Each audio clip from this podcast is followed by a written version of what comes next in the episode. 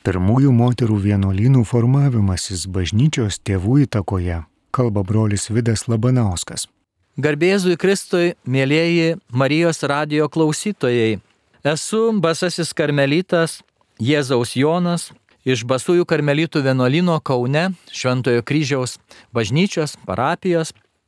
Ir šiandien kalbėsiu katechezės laidoje toliau apie pašaukimus, apie moterų vienuolinio gyvenimo formavimąsi bažnyčios tėvų įtakoje.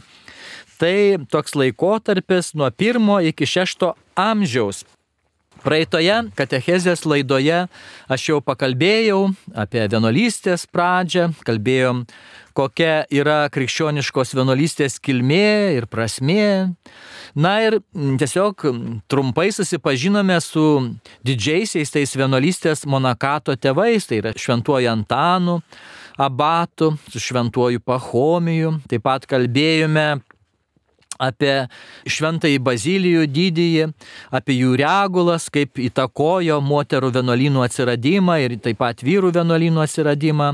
Na, dar kalbėjome taip pat apie šventąjį Augustiną, kaip jo regula paveikė moterų vienuolynus, kaip irgi prasidėjo moterų vienuolystė pagal Švento Augustino. Kalbėjome apie Joną Kasijaną, kuris ištyrė rytų Egipto vienuolių gyvenimo būdą ir stengiasi jį perkelti į Europą.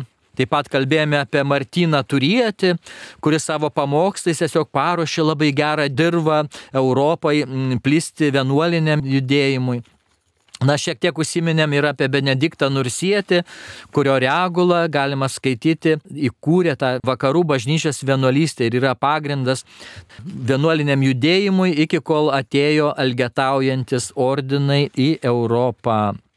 Taip pat dar mes kalbėjome, kad kaip moterių vienuolinai pradėjo vystytis, kaip šventasis Pahomijus įkūrė savo seseriai Marijai vienuolyną, ar ne? Kalbėjome apie šventojo Bazilijaus atsivertimą per savo seserį Makriną. Taip pat e, kalbėjome apie švento Augustino tą regulą įtaką moters vienuolynos ir truputį kalbėjome apie dvigubuosius vienuolynus, kai vienas šalia kito įsikurdavo vyrų vienuolynai ir, ir moterų. Na ir dabar šiandien mes pradėsime kalbėti toliau, tęsime šitą katechezę. E, pakalbėkime dabar trumpai apie moteris kaip vienuolės ir jų dvasinę kovą. E, bažnyčios tėvas Šventasis Jonas Auksaburnis apie moterų vienuolynus ir jų dvasinę kovą štai tokias gražias eilutes parašė, pacituosiu. Moteris čia nėra mažiau išprūsusios filosofiškai ar silpnesnės griežtume negu vyrai. Netvirtume naudoti skydą ar joti, kaip to norėtų patys griežčiausi graikų įstatymų leidėjai ir filosofai, bet dalyvauti daug sunkesnėje kovoje. Jos kovoja su vyrais, bendroje kovoje prieš velnę ir tamsybių galės. Jų lyties silpnumas nėra jokių būdų kliūtis šioms kovoms. Šios kovos nereikalauja kūno tvirtumo, bet geros valios. Todėl šiuose kovose matome moteris kovojančias su didesnė drąsa ir geronoriškumu negu vyrai. Ir todėl jos pasiekia garbingesnės pergalės. Taigi, moteris ir vyrai yra lygus, viena kitą papildantis. Bet moteris atsiskyrėlės taip pat buvo kaip ir šventas Antanas, kaip eremitas, ar ne? Šioje pirmykštėje epochoje moteris kovoja prieš tamsybių jėgas, taip pat kaip dikumų atsiskyrėlės arba eremitės. Na, senovės vienuoliai tą tokį nuošalų, tokių atsiskyrėlių gyvenimą laikė daug vertingesniu ir tobulesniu nei visuomenėje. Na aišku, ne visi turi pašaukimą tai formą, tik tie, kurie susiformuoja paklusdami tai eremitų reguloje, ne, arba abato ten dvasiniam vadovavimui, tada išdrįsta tapti tokiais, nu, nežinomais pasauliui ir suprasti asketinių pratybų vaisingumą. Taigi, pirmosios vienuolės, jos nepasiduoda vyrams dvasinėje patirtyje. Ir dykumo tyruose šalia tų dykumos tėvų vyrų matom ir moterų, dykumos motinų. Čia turėtumėm paminėti tokią atsiskyrėlę Sarą, kuri gyveno vienoje celėje netoli Nylo. Na, jinai buvo labai gundama paleistuvystės demono net 60 metų. Galų gale ji ne tik jį nugali, bet ir priverčia oficialiai prisipažinti tą demoną nugalėto. Čia galėtume paminėti kitą moterį, tai yra Teodora, labai tobula tokia dvasinė mokytoja, kuri moko nuolankumo, nusižeminimo kaip vienintelės tokios veiksmingos priemonės prieš blogio nuodus. Na ir dar yra įžymioji sinkletika. Šventoji sinkletika tai likoks atspindys to pirmojo anachoreto Antano. Gražuolė buvo, kilminga, turtinga. Ši Dievo moteris pradėjo dvasinį kelią pasišvesdama Dievui kaip mergelė, kuri laiką su savo akla seserim gyveno šeimos mauzoliejuje ir paskui pasitraukė į dykumą. Aplink ją ėmė burtis jos mokinės moteris. Na, ji atmetė kategoriškai susitikimus su vyrais.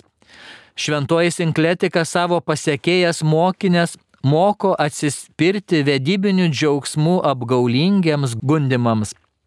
Na, bet senatvėje sinkletika susirga žandikaulio vėžių ir iškenčia žiaurias kančias, mokydama savo dukras. Čia cituosiu žodžiu, sako, ypač šiomis pratybomis laviname sielą, įdėmiai stebėkime savo priešą, neišleiskime jo iš akių.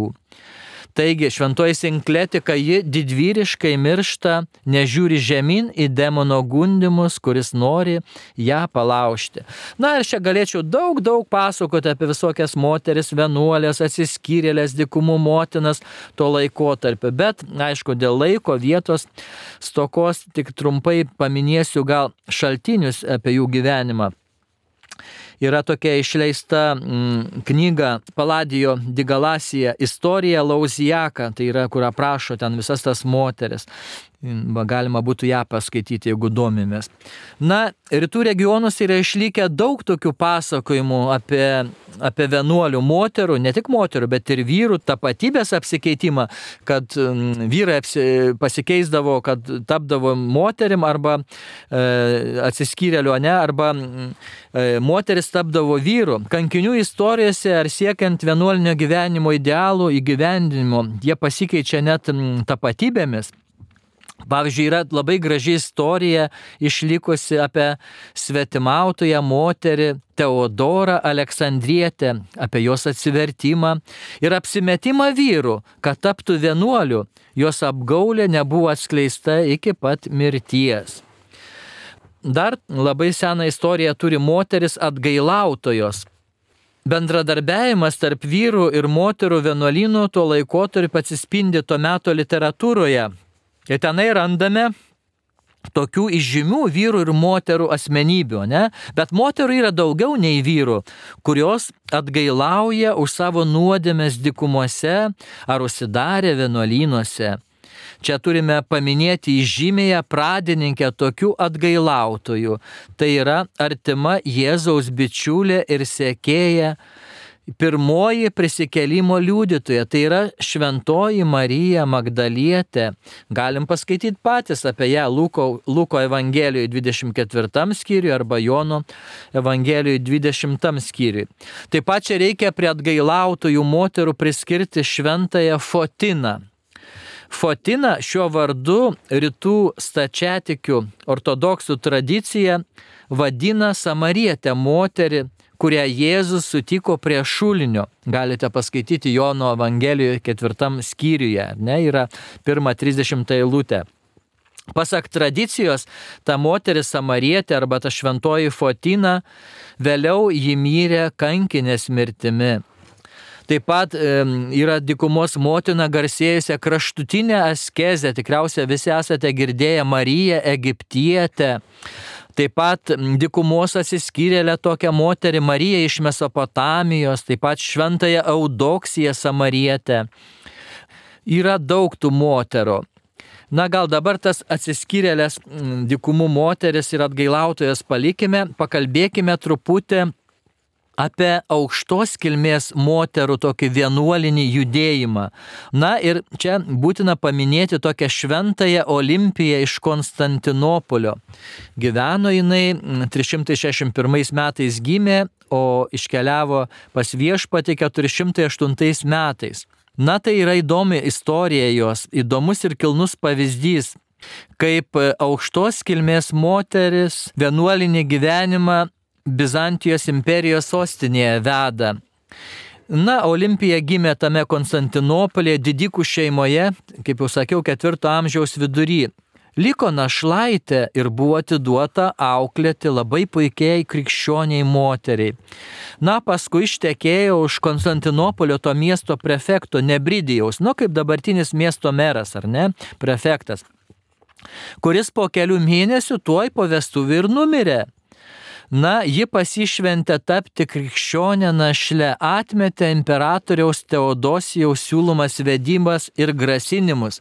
Žinome, kad imperijoje buvo paplitusi, kad nepaleisti turtų, kad imti žmonas turtingas žmonas ir imperatorius norėjo paveldėti, aišku, ne tik tai žmoną, bet ir jos turtus ir grasino jai. Bet ji troško tik gyventi Dievui ir bažnyčiai. Ir ji tapo žinoma asketė. Pavyzdžiui, Viskupas Nektarijus ją išventina net į diakonės, nes labai ją vertino ir atsižvelgdavo į jos patarimus bažnyčios vadovavimui. Taigi, Olimpija įkūrė moterų vienuolyną kuriame pradžioje buvo 50 vienuolių moterų, o po kiek laiko padaugėjo net iki 250 moterų vienuolynas buvo. Ir tas vienuolynas nors buvo miesto centre, bet buvo labai gerai apsaugotas ir turėjo specialų tokį klauzūrinį įėjimą į bažnyčią, išvengiant viešųjų miesto kelių. Na, kai mirė Konstantinopolio patriarchas, vienas iš didžiausių rytų bažnyčios tėvų Jonas Auksaburnis buvo 398 metais paskirtas Konstantinopolio patriarcho. Ir jisai, Jonas Auksaburnis, pradėjo nukovoti su bažnyčios ir klero korupcija. Ir štai Olimpija jį labai gerbė ir remė jo kovą prieš klero tą korupciją.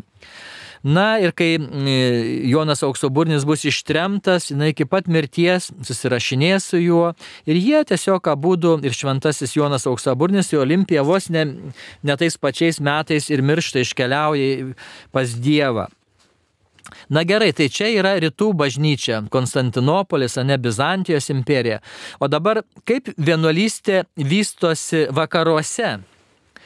Iš tikrųjų, negalvokim, kad iš pradžių rytuose buvo, o paskui vakaruose atsirado. Ne, vienuolystė vystėsi paraleliai vakaruose ir rytuose. Ir kai kurie iškilus asmenys, jau mes juos minėjom, buvo lik tiltas, kurie jungia du pasaulis. Pirmiausia, pakalbėkim biškai apie kunigą Jonas Kasijanas ir vienuolis. Gimė 360 metais ir mirė 435 metais. Ir jisai savo gyvenimu, jo programa buvo pritaikyti tą rytų vienuolystės, tą tokį griežtumą, tą tokį asketiškumą, tą vakarų vienuolystės ypatybėms įtraukiant į tą bendro gyvenimo būdą, tokius esminius tų atsiskyrėlių elementus. Todėl, mm, kaip jau minėjau, Marselėje Jonas Kasjanas įkūrė du vienuolynus - vieną vyrų ir moterų. Tai va, jeigu norim ir apie moteris vienuolyną sužinoti, reikia ir Jono Kasjano patirinėti jo raštus. Moteriškos vienuolynų bendruomenės e, kūrėsi Normandijoje, kūrėsi Torūnėje, Taurainėje ir Marselėje, bet taip pat yra žinoma, kad buvo 5 amžiaus pradžioje moterų bendruomenė Lerins provincijoje. Na, o Romoje e, vienuolinį judėjimą labai išplatino šventasis viskupas iš Aleksandrijos Atanazijus, gimęs 295 ir miręs 373 metais. Vienas iš pirmųjų perdavė tą Egipto asketo patirtį, e, kai jis gyveno Romoje, ar ne? Tai buvo kažkas tarp 341-343 metų, ketvirtam amžiuje. Na, jis į Romą atvyko, aišku, žinome, dėl Arijonų erezijos ieškoti paramos. Ir Atanazijus skleidžia to dykumos tėvų idealus, gyvai tikinčių, užsidegusi meilė Kristui, tiesiog Romos krikščionių sluoksniuose. Oi, čia prasideda labai labai gražus judėjimas. Na, bet mes gal padarysime mm, kitam kartui, paliksime tą kilmingųjų Romos moterų vienuolinių judėjimą kitam kartui. Šventasis Atanazijus, e, jisai Romoje veltui neleido laiko ir visą laiką pamokslavo, perdavė Egipto asketų patirtį Italijoje, Romoje, ne? ir ieškojo taip pat paramos prieš Arionų ereziją ir turtingųjų sluoksniuose. Ir štai ten gimė labai įdomus kilmingųjų Romos moterų toks vienuolinis judėjimas. Na ir čia yra daug, daug tokių moterų, vienuolių, kurios labai žymios pasidarė. Tai aš vardus išvardinsiu. Tokia buvo Marcela, paskui kita moteris turtinga Patricija Sela, Paula ir Estachija, Melanija, paskui Melanija jaunesnioji. Na Ir toliau negalime čia nepaminėti taip pat jau, jau ne iš tos grupės moterų, bet Egerijos, tai yra žymiosios piligrimės Egerijos.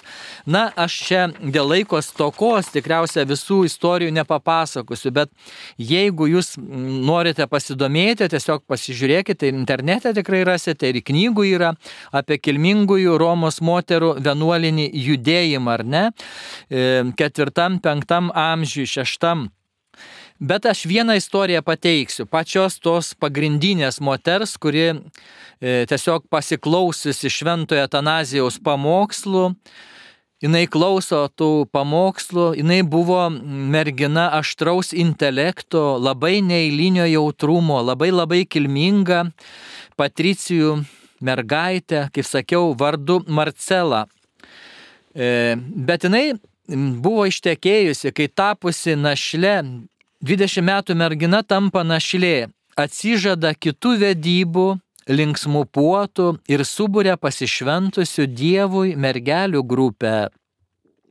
Savo rūmus ant Aventino kalvos jinai paverčia Biblijos studijų centru. Na ir tos studijos buvo nukreiptos daugiausiai į Pahomijaus regulą vienuolėms, nes ji dar nebuvo išversta į lotynų kalbą.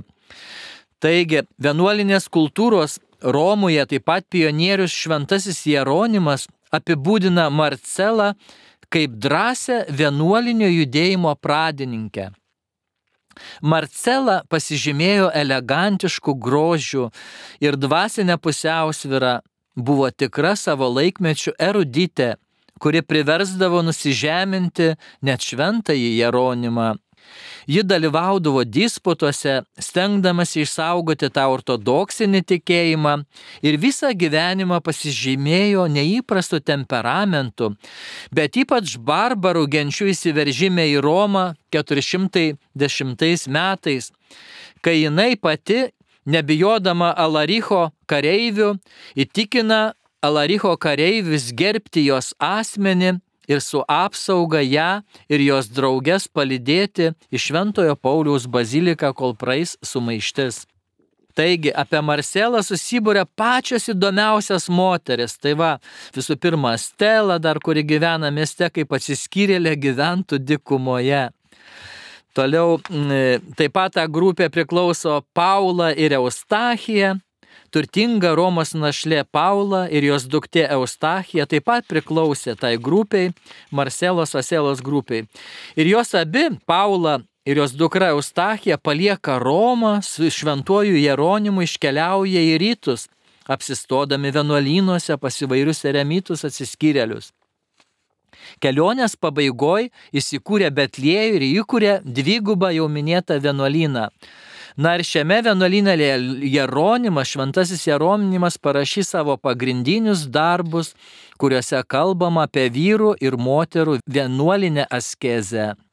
Ir taip pat tenai buvo aprašoma dvasinėme gyvenime dvasinės santokos procesas. Ne? Paulos atminčiai Jeronimas dedikuoja savo darbą apie Paulos moterų vienuolino taisyklės ir regulą.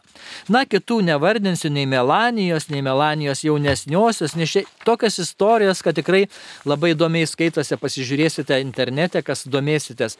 Bet apie Egeriją norėčiau pakalbėti, nes jinai, aš kaip irgi iš Ispanijos, atvažiavę karmelitai, jinai kilusi, manoma, iš Ispanijos, kažkur iš Galisijos arba gal iš pietų, e, iš, iš Prancūzijos e, pietų, bet manoma, kad iš Ispanijos. Ir jinai e, jau, ne jinai, bet jos draugės, jinai gyveno jau pasišventusi mergelių vienuolynė. Ir išvyko iš Europos apie 380 metus ir nuvyko į šventąją žemę. E, kur buvo priimta su didžiausia pagarba, kaip ir tos kitos romėnų moteris, ji turėjo pasakiškus turtus, bet viską tiesiog paukojo, kaip sakyt, kelionėms ir savo tam vienuolynui. Jinai padėdavo vargšus, rėmė vargšus, e, rėmė asketinius vienuolynus. E, tiesiog ir pati bandydavo tą krikščioniškai asketizmo kelią. Bet jos nuopelnas yra, kad įrašė kasdien dienoraštį. Ir dabar sakau, gal vienuolino seseris, kurios klauso, gal sakau, seseris, rašykit dienoraščius. Jeigu viešpas norės, tai bus liūdėjimas kitom kartom. Ir tam dienoraštį siuntė savo vienuolino seserims, kad jos susipažintų su tais vienuolynais, ne? Su to, kaip ten gyvena, kaip ten asketiškai elgesi, kaip ten meldžiasi, kaip ten tarnauja viešpačiui. Taigi, e, piligrimės Egerijos dokumentai, tas ta knyga rašyta, turi didelę ypatingą istorinę dokumentinę reikšmę ne tik vienuoliniuose reikaluose, bet ir plačiaja istorinė prasme. Tikrai kviečiu, kas susidomėsite, paskaityti apie piligrimę Egeriją. Na ir dabar gal mes tiesiog pabaigsim tokiu aptarimu koks yra to moteriškojo, ypač moteriškojo, aš kadangi rašau darbą apie Šventąją Teresę, apie jų vienuolyną, kas yra moteriškojo vienuolinių judėjimo tikslai ir ypatybės, kokie yra tikslai ir ypatybės. Taigi, pirmųjų moterų vienuolinis gyvenimas vienuolinai pradedant nuo Egerijos piligrimystės, Marcelos biblinių studijų, Olimpijos religinių kovų iki Marijos egiptietės atgailos gyvenimo dikumoje turėjo tik vieną tikslą. Jos visos moteris ieško Dievo įvairiomis kryptimis. Moteris yra samoningos, kad šita Dievo paieška, nors vykdoma tokiom įvairiom formom, nebus vaisinga Kodėl nebus vaisinga?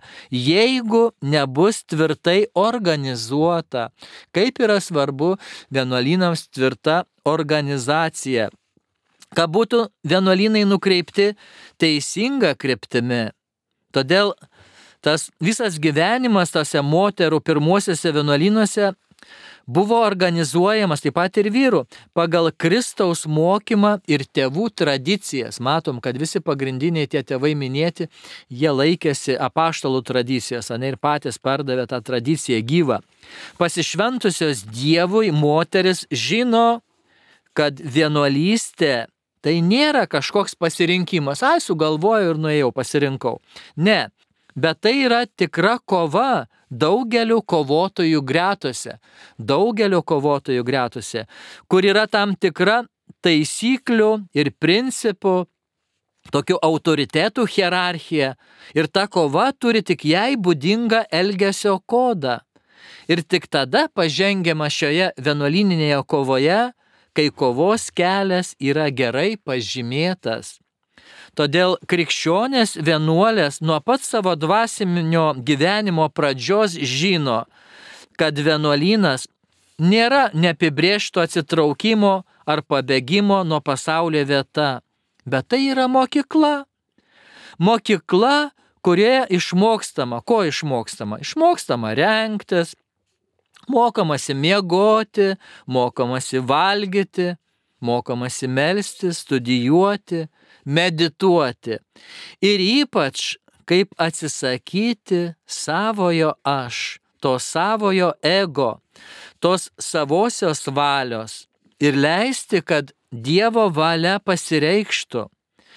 Ne tai, ko aš noriu, bet tai, ko viešpats trokšta. Tai yra esmė tuose vienuolynuose. Todėl vienuolynas pirmosioms vienuolėms ir vienuolėms vyrams yra tarnystės viešpačiui mokykla. Yra tarnystės viešpačiui mokykla. Na ir geriausiai vienuolino savoka aiškiai išryškins šventasis Benediktas Nursietis savo garsiojoje Benediktinų reguloje Ir vakarų pasaulio vienuolės moteris tą savoką, galima sakyti, paveldės iš jo. Iš tikrųjų, moterų vienuolynuose vyresniosios valdžia e, yra tokia viduje kaip šventa valdžia ir visada reiškiasi tokiamis savokomis, e, kurios parodo jos dvasinę motinystę. E, priorė arba abatė vadina tą mater animarum, sielų motina, mater familijas, šeimos motina, mater monasterija, vienuolino motina Na ir pirmaisiais amžiais savoka abatė dar nėra naudojama, bet atsiranda daug vėliau Romoje. Štai yra užrašas Romos šventosios Agnietės kapinių bazilikoje skirtas pasišventusiai mergeliai Serenai. Ja pavadina, tą mergelę Sereną pavadina abate. Na ir archeologai teigia, kad tas ankapio įrašas yra padarytas apie 514 metus. Na tai matome, kad abato terminas atsirado abatės abato šeštame amžiuje.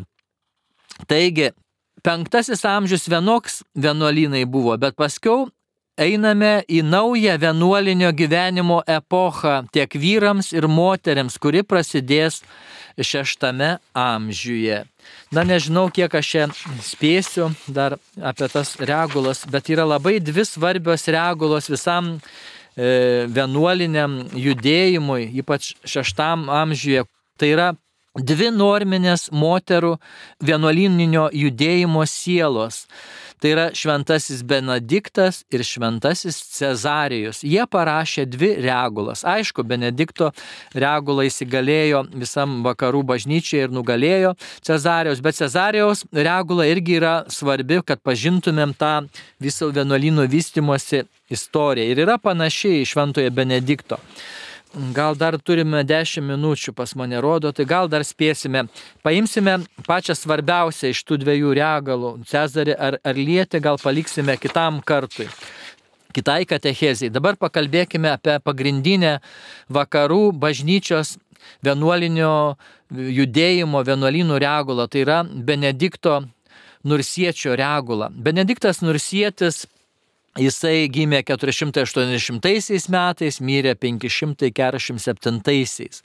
Kaip jau minėjome, praeitoje pakatechezėje įkūrė Monte Kazino vienuolyną ir apie 529 parašė tą savo garsėją regulą vienuoliams. Ir jinai tampa visų visų vakarų vienuolynų regulų pagrindu. Iš tikrųjų, ta regula tai yra visos rytų bažnyčios ir vakarų bažnyčios vienuolynų brandžios, brandžios patirties sintezė. Šeštame amžiuje politinė religinė atskirtis tarp dviejų pasaulių, tarp Bizantijos imperijos ir vakarų Romos imperijos paštrėja net beveik iki visiško atsiskyrimo Bet benediktinių regula išliks per ilgus amžius, kai dvasinės sąjungos laukas tarp rytų ir vakarų vienuolystės. Todėl galime drąsiai sakyti, kad Benedikto regula yra tiesiog sąjunga dvasinė tarp rytų ir vakarų vienuolystės. Na, Benediktas jisai buvo protingas vyras ir skirtingai negu, pa, nu, nenoriu pasakyti, kad praėję buvo neprotingi, bet jisai matė laiko ženklus, laiko ženklus, skirtingai negu Pahomijus, Bazilijus ar Augustinas. Monte Kasino abatas yra prieš dvigubus vienuolynus ir yra uždaras prieš moterų grupių prisijungimą. Na, čia jis truputį klydo, bet turėjo seseris skolastiką E, kuri pasiekė jo pėdomis ir įkūrė moterų benediktinių vienuolyną netoli nuo Monte Kazino. Skolastika tapo jo abate. Taigi, žinom tą istoriją, kai skolastikos malda sulaužo per daug griežtą vienuolio pasipriešinimą ir duoda labai svarbią pamoką. Gerbti regulą yra būtina, bet tai nėra viskas. Jos laikymasis gali tapti tuščiu reikalu, jeigu ta regula nesirems meilę. Skolastika e, buvo stipresnė už brolį meilėje ir Dievas jos išklausė. Todėl šventasis Benediktas privalės pasinaudodamas šią pamoką geriau pamatuoti dvasinės pastangas ir orientacijas istorijos bėgyje. Taigi, skolastikos ir benediktino paskutinis susitikimas mus parodo ateinančių amžių istorinių santykių tarp vyrų ir moterų vienuolynų modelį. Vyrų vienuolynai dažnai turės globoti moterų vienuolynus, remti juos materialiai ir dvasiškai. Ir dažnai tai darys nelabai norėdami, bet bus dėl to labai praturtinti ir palaiminti Dievo. Na, Benediktinų regula yra parašyta atsižvelgiant į tradicijos kontekstą, bet jau mato šviesą naujoj situacijoje. Na, vienuolynų valdantieji vakaruose šeštame amžiuje jau nesitikė Kristaus herojiškų pirmųjų sportininkų kabutėse arba sportininkų asketų griežtumo, bet vis tik rūpinasi išlaikyti tokį aukštą asketiškumo lygį. Pavyzdžiui, žymioji ketvirto amžiaus atsiskyrėlė šventoji sinkletika, anachoreto dvasinio gyvenimo modelis šeštam amžiui jau virsta arhainiu pavyzdžiu. Asmeninės celės vienam vienuoliui, moteriai ar vyrui, kuri būdavo atsiskyrėlio namelio dydžio, užleidžia vietą daug mažesniams celėms ir vienuolynuose žmonės miega jau bendruose mėgamuosiuose, kad labiau apsaugotų skaistybę. Dikumų atsiskyrėliai pagal paprotį vaišindavosi vynu vieną kartą metuose, dabar jau jį vartoja daug dažniau ar net kasdieną. Taip pat ir tualetai, vonios kambariai yra lengviau priimami, tuo tarpu Didysis Antanas ar Melanija senesnioji ir jos dukraitė Melanija jaunesnioji tų patogumų savo vienuolynuose atsisakydavo. Taigi, Benediktas nesiriboja nuo moteriškų vienuolynų ir savo reguloje sušvelnina materialų į režimą, suteikdamas mokiniams miegą, suteikdamas mokiniams vyną ir maistą atlaidžiai jei tai nekenkia dvasiniams pastangoms. Vienuolinis gyvenimas yra tarp maldos, darbo, studijų ir meditacijos. Kaip ir vienuoliai, vienuolės benediktinės bus šios programos sekėjos. Benediktinų regula moko sielą Dievo ieškoti vienuoliško gyvenimo mokykloje. Daugelis moterų vienuolynų duos ypatingus dvasinius ir kultūrinius vaisius ir taps pasaulio moterų išminties veidrodžiu. Na ir kadangi nebelieka laiko, bet dar reikėtų tęsti apie Cezarijų ar lietį ir jo e, vienuolinę regulą ir jo paliktą įtaką moterų vienuolynams. Bet tai gal pratesime kitoje katechezijoje. Labai dėkoju Marijos radijo klausytojams už klausimą šių katechezių. Tegul viešpats laimina jūsų širdis, jūsų namus, jūsų pasiryžimus, jūsų gyvenimą. Šiaip visi krikščioniai mes visi pasišvenčiame Dievui ir visi e, tarnaujame mūsų karaliui ir viešpačiui, ir ne, jo evangeliją skelbdami ir vykdydami kažkokią misiją gyvenime. Tegul viešpats visus jūs palaimina. Viešpas su jumis, te palaimina jūs visagalis Dievas, tėvas ir sunus ir šventoji dvasia. Amen. Te lydijus viešpatės malonė. Apie pirmųjų moterų vienuolynų formavimąsi bažnyčios tėvų įtakoje kalbėjo brolis Vidas Labanauskas.